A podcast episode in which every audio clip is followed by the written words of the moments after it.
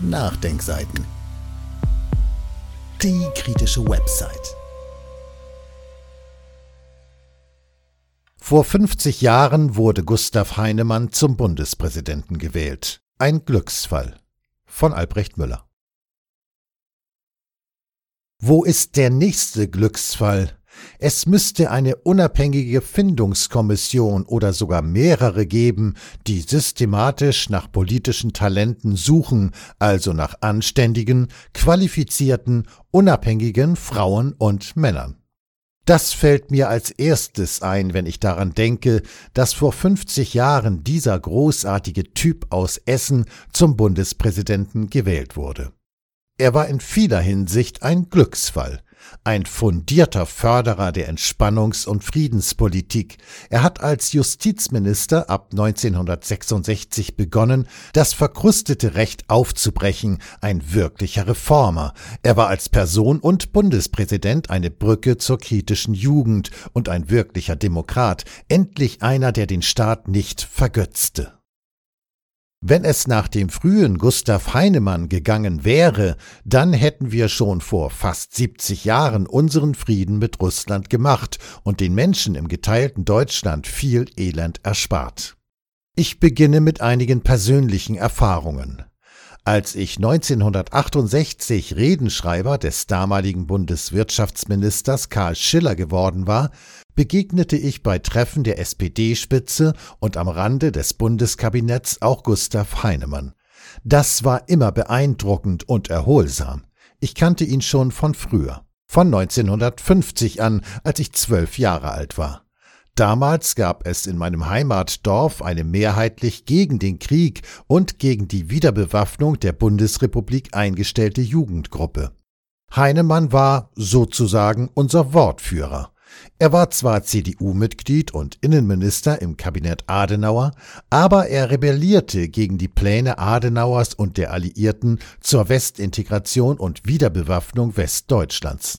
Und Heinemann warb damals schon dafür, die Angebote der Sowjetunion ernst zu prüfen. Damals und auch noch einige Zeit später war angeboten worden, Deutschland könne wiedervereinigt werden, wenn es nicht Teil des westlichen Militärbündnisses sein würde. In meiner Jugendgruppe fanden wir diese Idee mehrheitlich gut und den Mut Heinemanns beeindruckend, und wir haben darüber auch mit Lehrern und anderen Erwachsenen gestritten. Wir hatten als Kinder den Krieg noch erlebt, wir hatten am Nachthimmel den Feuerschein brennender Städte in unserer Nachbarschaft gesehen und selbst in unserem Dorf Angriffe von Jagdbombern erlebt. Vor allem aber waren unter uns mehrere Mädchen und Jungs, deren Vater im Krieg gefallen war. Sie hatten persönlich erlebt, was Krieg bedeutet. Auch deshalb fanden wir diesen Menschen und Politiker Gustav Heinemann vorbildlich.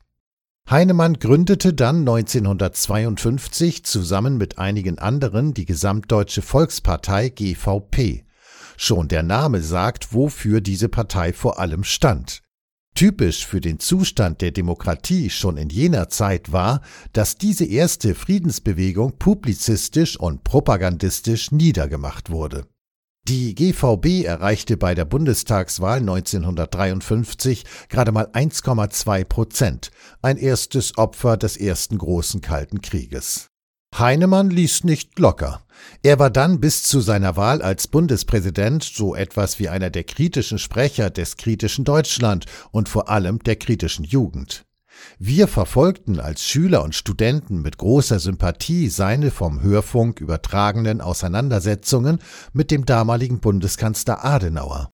Dass Heinemann Sympathien für die 68er und den von einem Attentat schwer beschädigten Rudi Dutschke hatte und ihn förderte, passte ins Bild, das damals viele junge Menschen von Gustav Heinemann hatten. Für interessierte Zeitgenossen nun ein altes Dokument, eine Spiegeltitelgeschichte von 1958 über Gustav Heinemann. Jenen Leserinnen und Lesern der Nachdenkseiten, die historisch und demokratiepolitisch interessiert sind, sei der Text zur Lektüre sehr empfohlen. Nebenbei wird dabei auch noch dokumentiert, welche Qualität der Spiegel einmal hatte. Nostalgie ein bisschen schon, und das tut mir leid, aber mancher könnte daraus lernen, und das ist die kleine Hoffnung. Am Ende des Artikels finden Sie die Verlinkung zum Spiegeltitel vom 5.2.1958. Titel des Textes Bonn Heinemann Reden in der Nacht. Dieses Audio konnte nur entstehen, weil zahlreiche Leser und Leserinnen die Nachdenkseiten fördern und durch Spenden unterstützen. Wenn Sie auch etwas tun wollen, klicken Sie einfach den entsprechenden Button auf unserer Website an. Übrigens, Sie können uns auch bei iTunes, SoundCloud und YouTube hören und wenn Sie mögen, gerne unseren Kanal abonnieren und eine positive Bewertung für uns abgeben. Wir freuen uns über Ihre Unterstützung und die Weiterverbreitung unserer Inhalte.